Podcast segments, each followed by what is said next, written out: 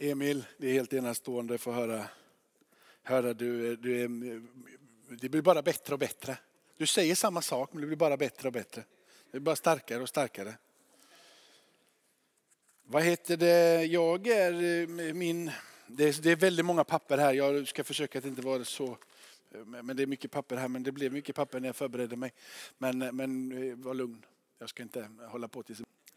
Men Eh, min lilla familj som jag har, vi har tre barn och jag tackar nog Gud för att vi inte är fler än, än, än tre barn och en fru. För hade det varit både fler fruar och fler barn så hade det varit otroligt besvärligt. För det är nämligen så här i vår familj att den, vi vill alla ha sista ordet. Ehm, så vilka diskussioner det än är så är det alltid någon som har mer att säga och det är alltid någon som...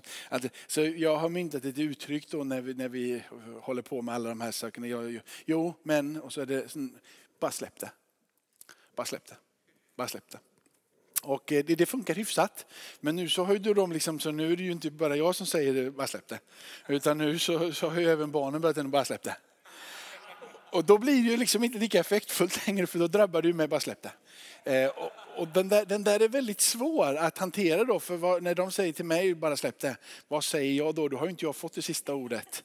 Så, så, det, så vi, håller, vi håller på här nu då, va, att försöka, men min predikan idag, bara släpp det. Bara släpp det. Och, eh, och, och jag bygger utifrån att när Jesus, eh, när Jesus är i ett semane och Jesus kommer tillbaka så är det så att han lämnar dem sista gången sovandes. Han tittar på dem och de är, de är tunga står det eh, i sina ögon av sömn. Och, och det är som att han tittar på dem och bara säger okej, okay, jag, jag bryr mig inte längre, sov ni vidare, jag går och ber. Och där han lämnar dem och han är inte längre frustrerad på dem. Jag ska försöka ta med er hur jag upp, tror att Jesus uppfattade dem när de ligger och sover. Eh, men jag vill att du ska ha med dig en bild när vi går in i den här predikan. Och det är min eh, äldsta dotter Novalin. Jag skulle lära henne att cykla. Det var, det var ett maraton att lära henne cykla.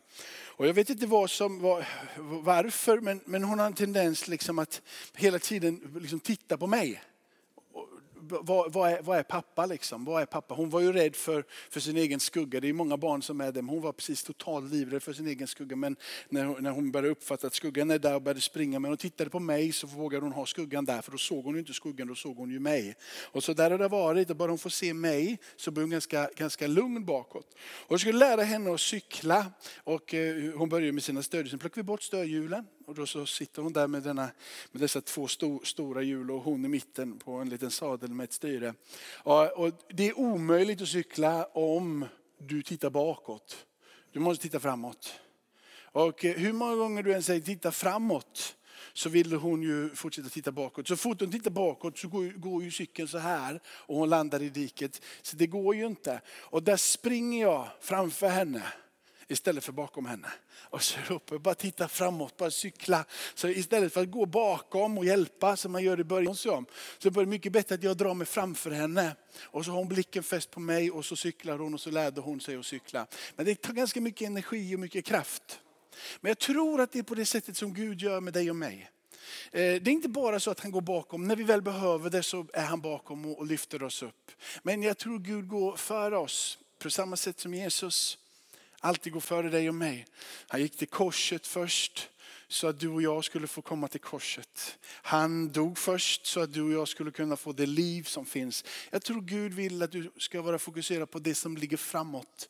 För han är där framme. Han vill inte att din blick ska vara fäst på dina misslyckanden eller på de sakerna som har fått dig att gå vilse eller besvikelserna som ligger där. Han vill att du ska fokusera på det som ligger framåt.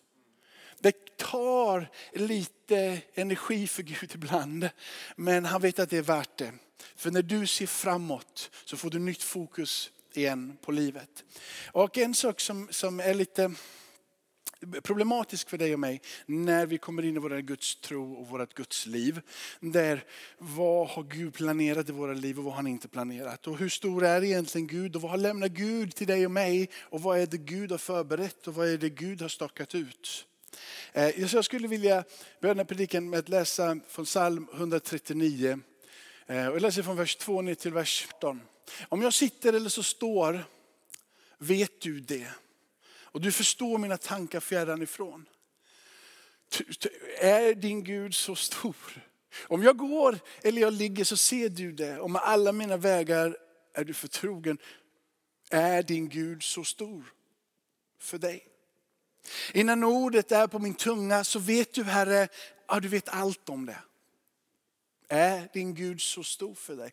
Du omsluter mig på alla sidor och håller mig i din hand. Den kunskapen den är för underbar för mig. Den är så hög att jag inte kan fatta den. Vart kan jag gå för din ande? Var kan jag fly för ditt ansikte? Stiger upp till himmelen så är du där. Emil, Bär det åt mig dödsriket så är din Gud där hos dig. Tar jag morgonrådens vingar, om jag gör min boning ytterst i havet, ska också där din hand leda mig. Och din högra hand hålla mig. Säger jag, låt mörker täcka mig och ljuset blir natt omkring mig, så är inte mörkret mörkt för dig. Natten lyser som dagen, mörkret är som ljuset. Du har skapat mina njurar, du vävde mig i moderlivet.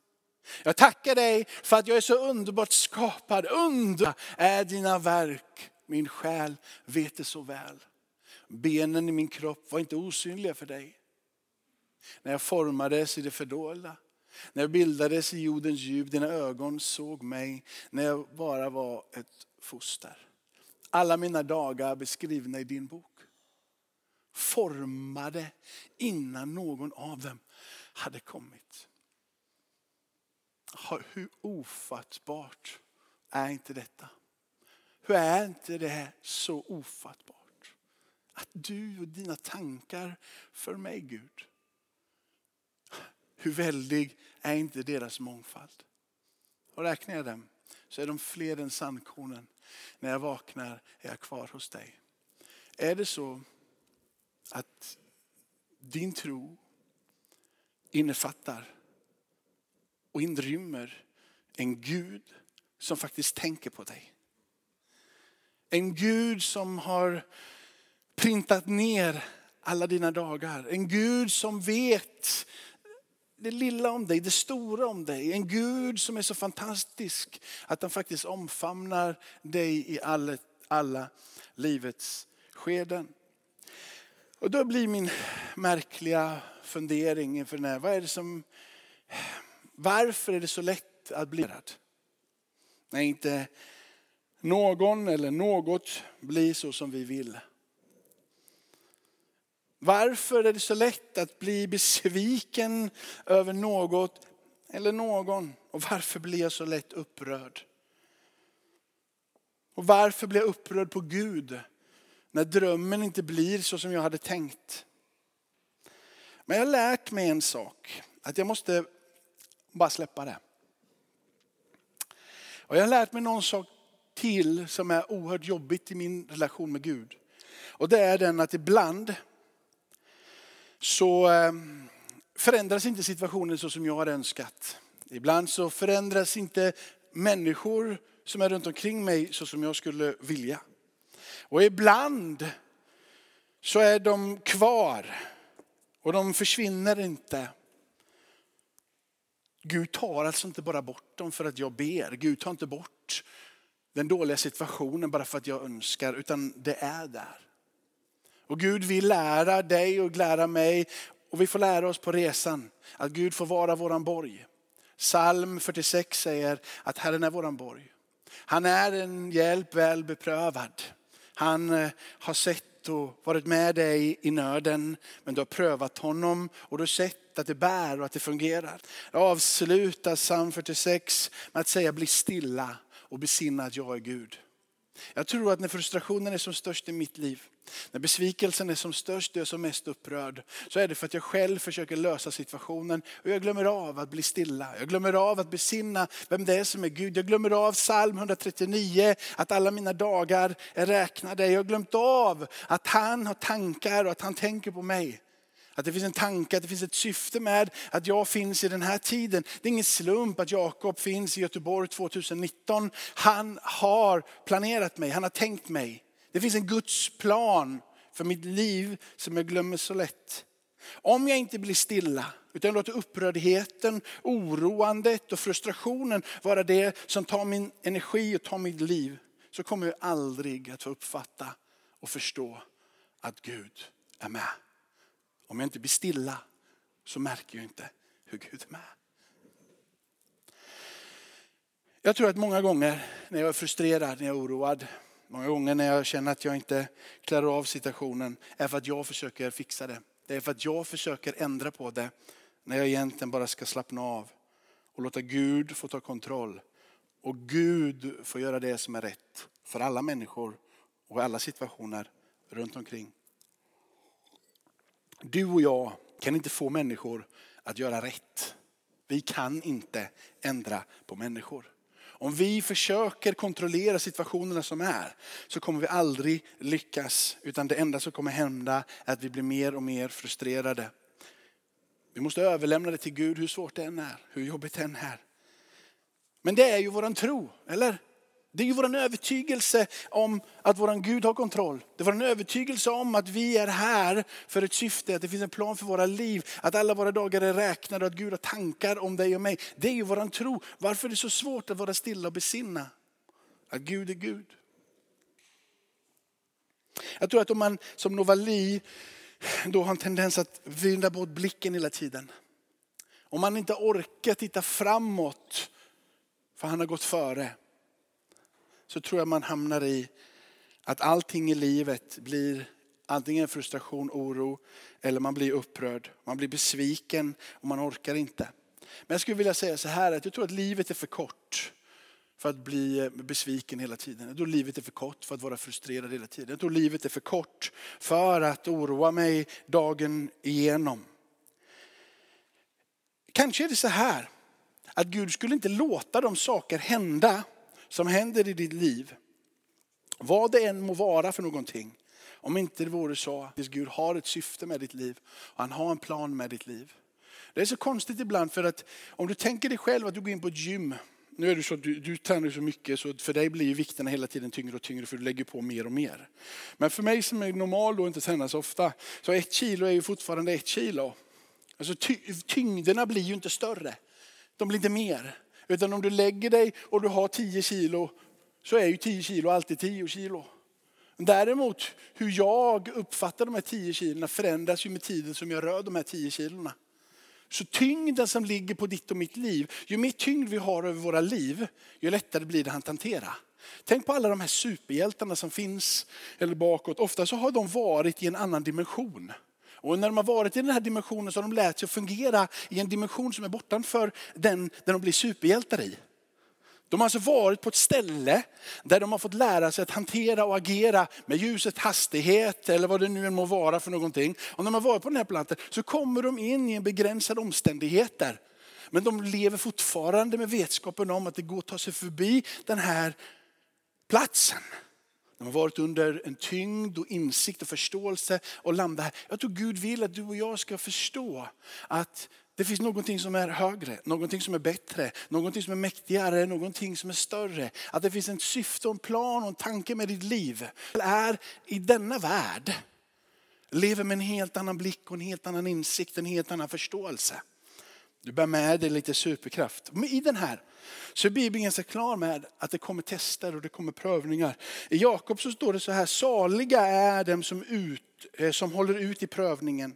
När han består provet ska han få livets krona som Gud har lovat dem som älskar honom. Det är alltså att pröver, test, situationer i livet, de kommer dit. De kommer vara där. Frågan är ju inte om de kommer komma, utan frågan är om de kan stjäla din glädje. Om de stjäl din livslust. Om de kräver och stjäl. Bli stilla och inse att jag är Gud. Jag skulle vilja säga så här, det finns många tester och prövningar som jag skulle vilja skulle vara över eller borta eller aldrig hänt när jag väl har gått igenom dem bakåt genom åren. Min fru var sjuk ett tag. Eller, vi har en i vår släkt som håller på att dö i cancer, på i så i många år. Det finns andra situationer som är bedrövliga som finns runt omkring.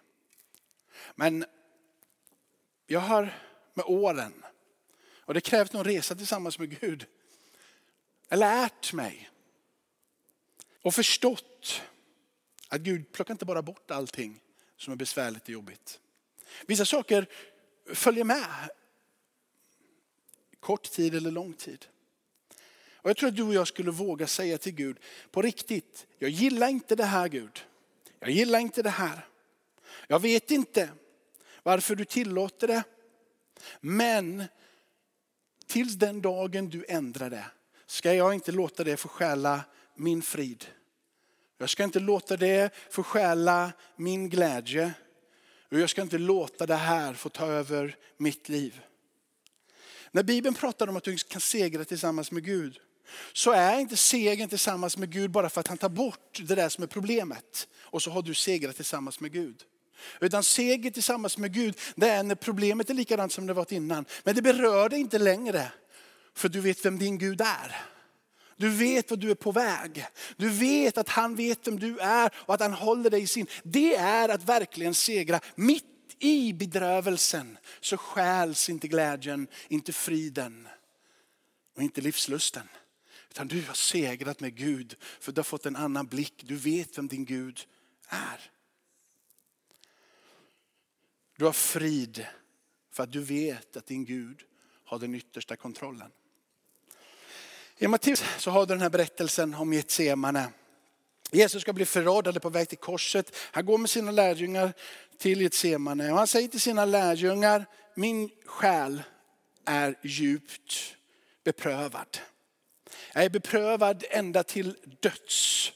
Och så ber han dem stanna kvar här och vaka med mig. Jesus var överväldigad över det som låg framför honom.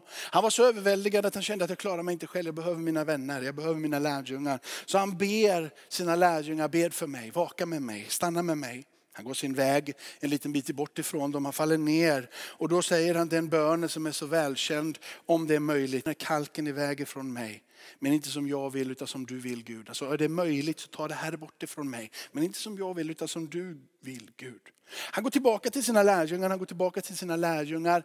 Så undrar jag, går han inte tillbaka, tror du, jag tror det, att han gick tillbaka till sina lärjungar för att få lite, lite tröst kanske. Lite, lite uppmuntran. Kom igen Jesus. Vi har tagit in oss mycket. Du klarar det här Jesus. Jesus behövde bara få titta på lärjungarna, finna lite tröst hos lärjungarna, kanske. Men han finner dem sovandes. Han eh, säger till dem att eh, kan inte vakna. Jag går igenom den största utmaningen som jag har mött. Det är lite frustrerat, det är lite jobbigt. Och han frågar dem igen, snälla kan inte vaka med mig? Kan inte be tillsammans med mig? Han säger till dem, anden är villig men köttet är svagt. Be. Jesus går iväg och ber igen och han fortsätter be bönen igen. Om det är möjligt, men inte min vilja utan din vilja. Jag undrar hur besviken han är när han kommer tillbaka enda gången och finner dem sovandes igen. De har inte orkat vara vakna, de har inte orkat. Jesus hade gjort allting för dem. Han hade gått med dem, han hade sett till att de hade mat, han hade gjort alla under, alla tecken, alla mirakler. Han hade varit runt omkring dem och han hade hjälpt dem. Hade de problem med någonting så var han den första som var där. Lärjungarna var goda människor, de ville inte Jesus någonting illa. Men de orkade inte. Jesus kommer tillbaka och det är här som det stora sker i vers 43-44. Jesus kommer tillbaka tredje gången till dem. Innan han ber tredje bönen, kommer tillbaka för att sen väcka dem. Och säger nu är det dags, nu går vi. Men innan han går och ber tredje gången så står det att han kommer och att han ser att de är trötta och att de sover. Att de är så trötta så att ögonlocken inte kommer upp. Och då gör han någonting. Han lämnar dem där sovandes och går iväg och ber själv. Det är som om Gud säger att den här resan är bara för dig Jesus. Du kan inte luta dig emot några människor. Du kan inte finna stöd och hjälp ifrån lärjungarna i detta. Det är bara du och det är bara jag. Ibland så gör vi på det sättet, vi förlitar oss på människor. Men Gud vill lära sig, lära dig och lära mig att vi ska förlita oss på honom.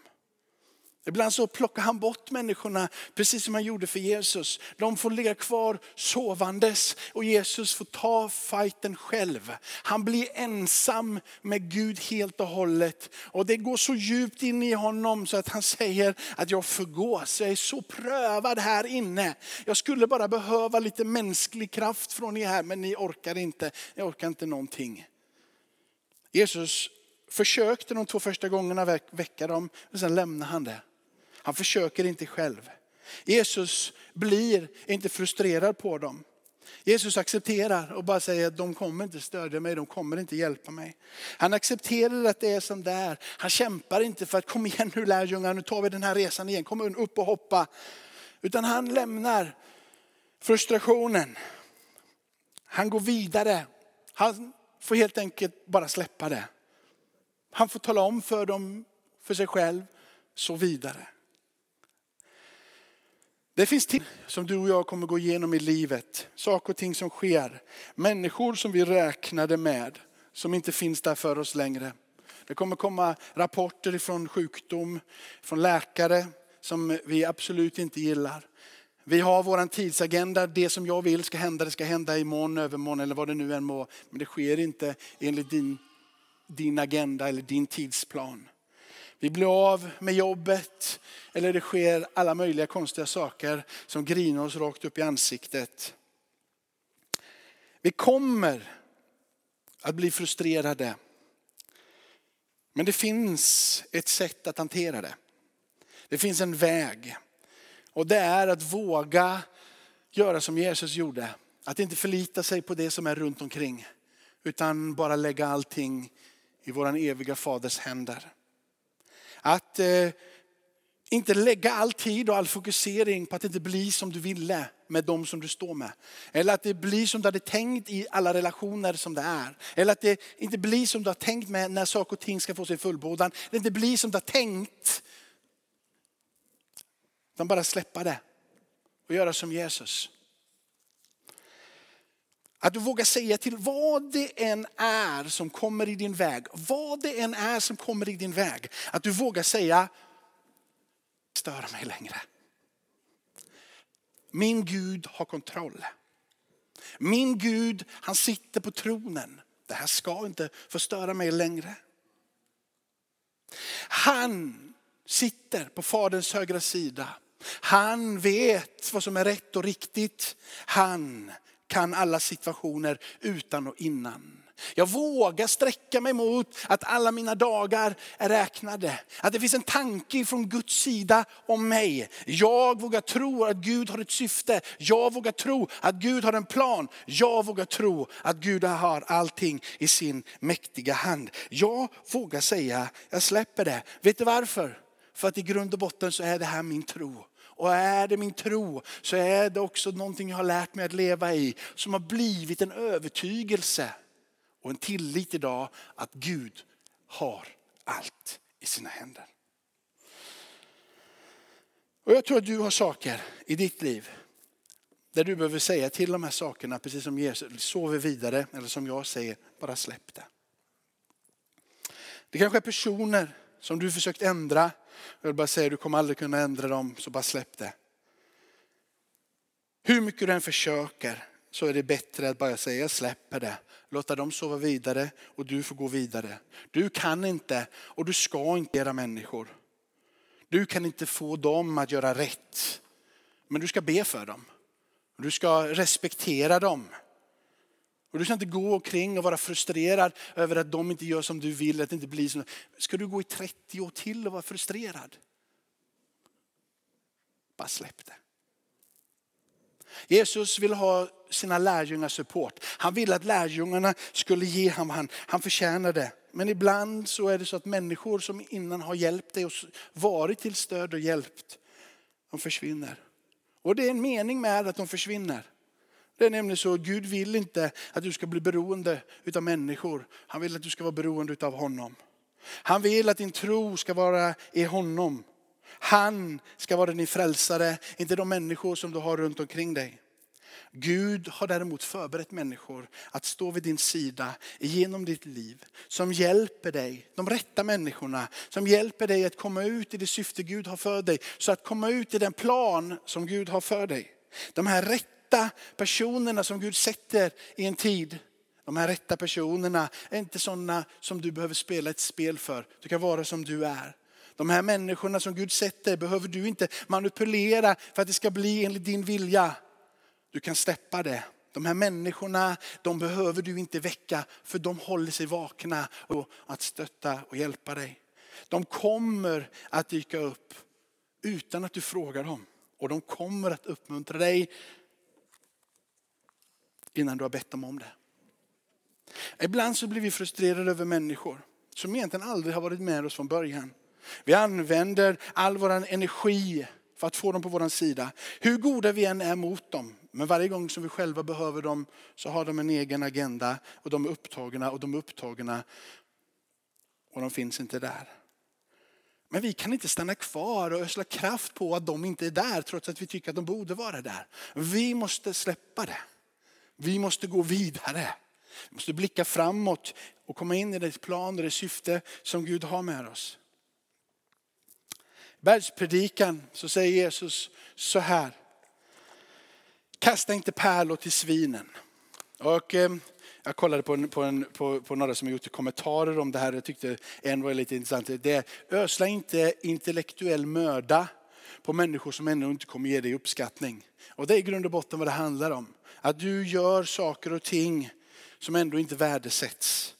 Vad är dina pärlor när Jesus pratar i bergspredikan? Vad är det där? Ja, jag skulle vilja säga att det är din personlighet. Det är din personlighet, det är de gåvor som, som du har. Att Gud skapade dig att vara så som du är. En del människor de kommer att värdesätta dig och en del kommer inte att värdesätta dig.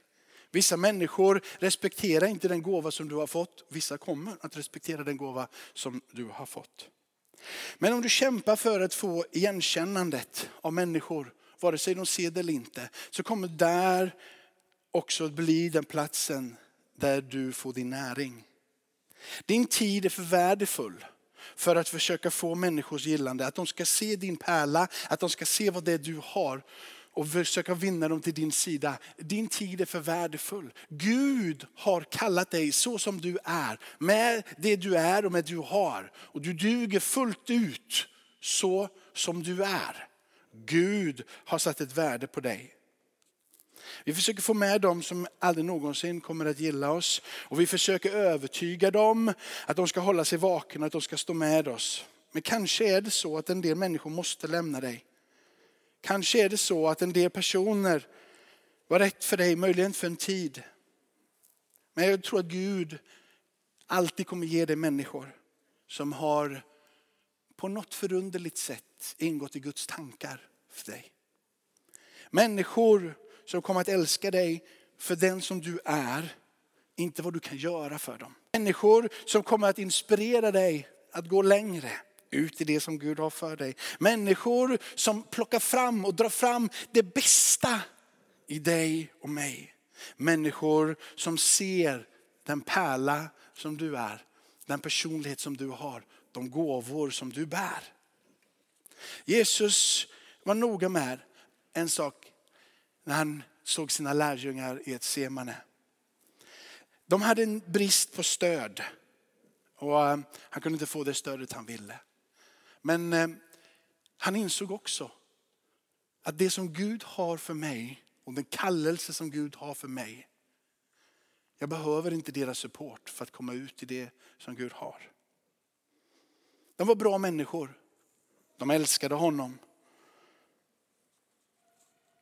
Men just här och just då så blev testet, prövningen att orka vända sig till Gud och inte förlita sig på människor. Jag tror Gud vill att du ska förstå att han vill vara din personliga uppmuntrare. Han vill vara din personliga support. Han vill vara den som du ska hämta din kraft och din näring ifrån och inte det stöd och det hjälp som människor kan ge. Om än att det är gott när de är där. Ni vet att när man tar bort nappflaskan ifrån barn, jag har gjort det tre och eh, vi har ju lurat dem på lite olika sätt. Men, men, men vid ett tillfälle så, så då, då åkte vi utomlands och sa att vi har glömt den hemma. Fast vi hade ju egentligen inte glömt den hemma. Men, men vi, vi sa det för det var lättare. Men vi är ju inte elaka som föräldrar för att vi tar bort nappflaskan. Eller hur? Det skulle ju se otroligt dåligt ut om 27-åriga Novali lite längre fram behövde nappflaska för att lugna ner sig själv. För att hinna stöd och tröst. Utan min uppgift som förälder det är ju att se till att plocka bort de där sakerna som för en tid var väsentliga. Som för en tid var nödvändiga. Som behövdes för att hon skulle växa till och få den näring. Men också veta vilken tid och stund som jag ska ta bort det. Vad som hämmar hennes tillväxt. Vad som gör att hon inte kan bli den som hon är menad att bli. Om jag fortfarande låter henne vara med nappflaskan. Min uppgift är ju att vid rätt tid, vid rätt punkt ta bort saker och ting som stödjer henne, som tröstar henne, som hjälper henne. För att hon ska bli så självständig som det är menat att hon ska vara. Så här tror jag Gud an gör mot dig och mig. Gud låter ibland saker och ting försvinna. Vi tror att Gud har fallit i sömnen och att han har glömt dig, men han har inte glömt dig. Han är på väg att öppna en dörr. Tänk om det är så att du försöker öppna en dörr som Gud har stängt. Det vore helt meningslöst. Att du försöker anropa hjälp från ett håll när Gud säger det är dags för dig att gå vidare. Det är, smärtsamt, det är smärtsamt och det är jobbigt, men Gud har tagit ett beslut. Och när Gud tar ett beslut så kan inte du och jag ändra det. Vi önskar så att vi kunde be en bön och Gud skulle bli våra personliga jultomte. Och han svarar direkt. Men i sin nåd så blir han inte jultomten. I sin nåd så håller han tillbaka det som du och jag längtar och trängtar så efter. För han vet vad som är bäst för dig och mig och han håller dig och mig i sin hand. Gud vill ta dig vidare. Sluta vara frustrerad över hjälp som du ändå inte skulle ha. Stöd som inte skulle finnas där. Gud har en plan för dig. De har slutat att ringa, de hör inte av sig och du känner dig så ensam. Tänk ifall det är Gud som har en tanke med det. Tänk ifall det är Gud som har en resa med dig för att göra dig redo för det som skall komma. Den rätta attityden mot Gud och mot människor, det är att alltid visa respekt för Gud, för de människorna. De är inte där längre. Du blir inte arg på dem, du blir inte bitter på dem. Du bara accepterar att de är inte där på samma sätt längre. Du vidare, för du har blicken fäst mot det som Gud vill. Ibland spenderar vi så mycket tid för att få människors gillande och godkännande. Och vi försöker få dem att värdesätta oss. När det kanske bästa vore ibland att bara släppa och gå vidare. Människor har nämligen alltid haft en tendens att ändra attityd. Kommer ni ihåg? Hosianna i höjden, frälsningen kommer från ovan. Och sen dröjer det inte speciellt länge. Bara några dagar senare, så står de här borta och säger korsfäst honom, korsfäst honom. Om du och jag hela tiden ständigt söker värdet ifrån andra människor. Om vi söker Maria Antonsson, du måste gilla mig, du måste gilla mig. Så jag gör allting i hela universum för att du ska gilla mig. Kristoffer, samma sak med dig. Helt plötsligt så har jag mitt värde i att ni gillar mig. Men vad händer den dagen som ni går ifrån att ropa hos Janna och mig till att säga korsfäst honom, korsfäst honom? Om jag har mitt värde i vad du tycker om mig Maria Antonsson och vad du tycker om mig Kristoffer. Om där sitter mitt värde. Vad händer den dagen de byter hos Janna mot korsfäst? Jag har inget värde kvar längre. För jag har byggt mitt värde på vem jag är utifrån vad ni säger och vad ni tycker om vem jag är. Människor har ett kort minne och de glömmer snabbt. Livet går vidare. Vi har alla våra getsemane, vi har alla våra besvikelser och vi har alla saker vi inte förstår. Men vi måste förstå att Gud ger nåd för varje getsemane. Amen. Det var del ett. Jag visste inte hur lång tid det skulle ta men nu har jag hållit på 35 minuter. Så vi tar del två på det. Jag kom halvvägs ungefär. Men Gud har nåd för varje getsemane. Gud har en tid för dig och han har en plan för dig efter ett semane så kom uppståndelse. Amen. Vi ber tillsammans. Så Mattias och Kajsa ge sig redo. Jag ber Fader i himmelen Herre att vi ska förstå att för varje i varje Getsemane, vi kallar det så finns det nåd. Jag ber att varje person som är här inne inte ska fastna i ett inte fastna i sin besvikelse, inte fastna i det här att man vill titta bakåt. Utan vi ska få kraft idag att se framåt.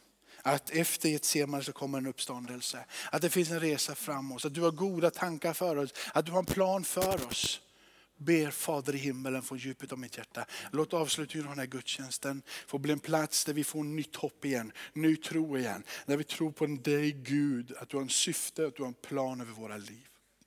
Tack för att du är här Herre. Ta emot de här enkla lovsångerna på slutet här Herre. Och när vi ber för varandra, möt med oss. Låt det få bli ord av uppmuntran. Böner som stiger upp till dig och förändrar och förvandlar hela våra omständigheter våra liv. Allt enligt din vilja, ditt syfte och din plan.